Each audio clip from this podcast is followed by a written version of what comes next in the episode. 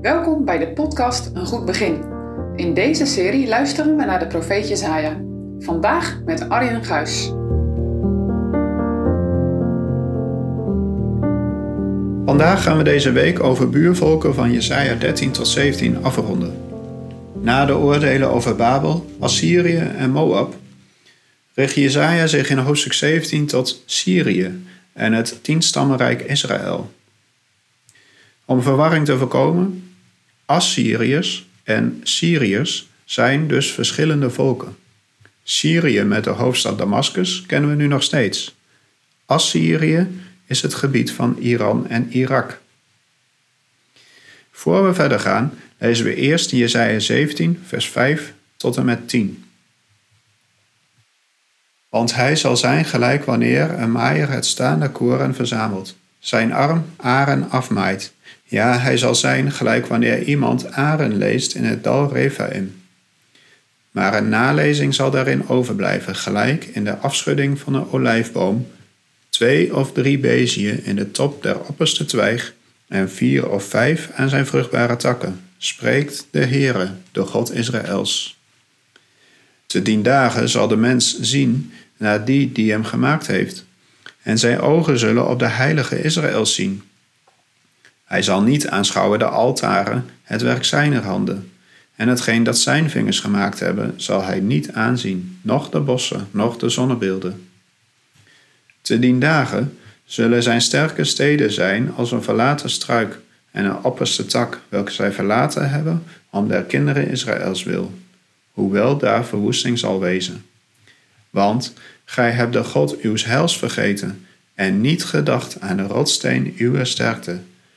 Daarom zult gij wel liefelijke planten planten en gij zult hem met uitlandse ranken bezetten.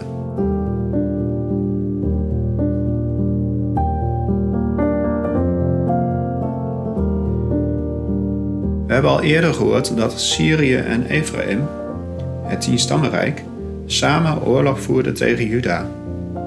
Dat was in Jesaja 7. Nu profeteert Jesaja dat deze beide volken verwoest en weggevoerd zullen worden door Assyrië. Ook de steden in het overjordaanse bij de beek Arnon worden daarbij genoemd. Het oordeel over Damascus en Ephraim door koning Salmaneser schetst Jesaja in een beeld van de korenoogst. Denk maar aan een maisoogst eind september, begin oktober. In de Bijbel lezen we regelmatig over tarwe en gerst. Naomi en Rut bijvoorbeeld komen aan het begin van de gerstenoogst in Bethlehem aan. In onze tijd wordt tarwe, gerst en ander graan geoogst met een combine. Vroeger gebeurde dat met een sikkel in de hand. Een sikkel heeft een kort handvat en een halve maanvormig lemmet. Het was dus een enorm karwei om een akker te oogsten.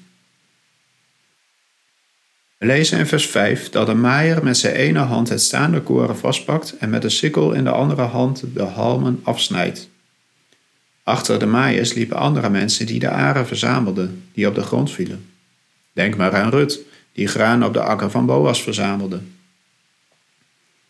In vers 6 lezen we over de oogst van olijven. Olijven worden geplukt, of er wordt voorzichtig aan de boom geschud, zodat de olijven vanzelf uit de boom vallen. Het is dan wel belangrijk om ze goed met netten op te vangen, zodat ze niet op de grond vallen. Jezaja noemt ook het afschudden van de olijfboom. Er blijven altijd wel olijven over, die in de boom blijven zitten. Zowel bij het graan als bij de olijven is er dus een deel dat overblijft. Een deel blijft op de akker liggen of in de olijfboom hangen. Zo zal het ook met Syrië en Israël zijn. Er zullen mensen in het land achterblijven. Die mensen worden in de Bijbel vaak het overblijfsel genoemd. Zo hier en daar, door het hele land verspreid, wonen nog wat mensen. Die mensen zullen terugkeren naar hun schepper. Zo lees ik in vers 7. Opnieuw een bemoediging, midden tussen de oordelen die aangekondigd worden. Zij zullen hun ogen verwachtingsvol richten tot de heilige Israëls. Bekering is afkeren en terugkeren, zo wordt wel eens gezegd. Dat zien we ook hier in vers 8. Ze keren zich af van hun eigen altaren, de afgoden die ze zelf gemaakt hebben. Sterke steden zullen woest en verlaten zijn. Spooksteden noemen we die tegenwoordig. Ook hier in vers 10 lezen we waarom deze oordelen zullen komen.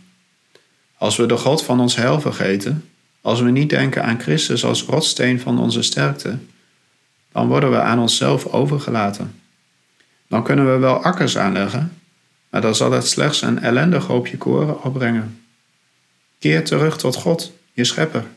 Hij heeft recht op je. Hij geeft nog genadetijd, de tijd tussen het aankondigen van oordelen en het daadwerkelijk uitvoeren van die oordelen. In die tussentijd wil hij zondaren genadig zijn en redden van hun eeuwige verwoesting.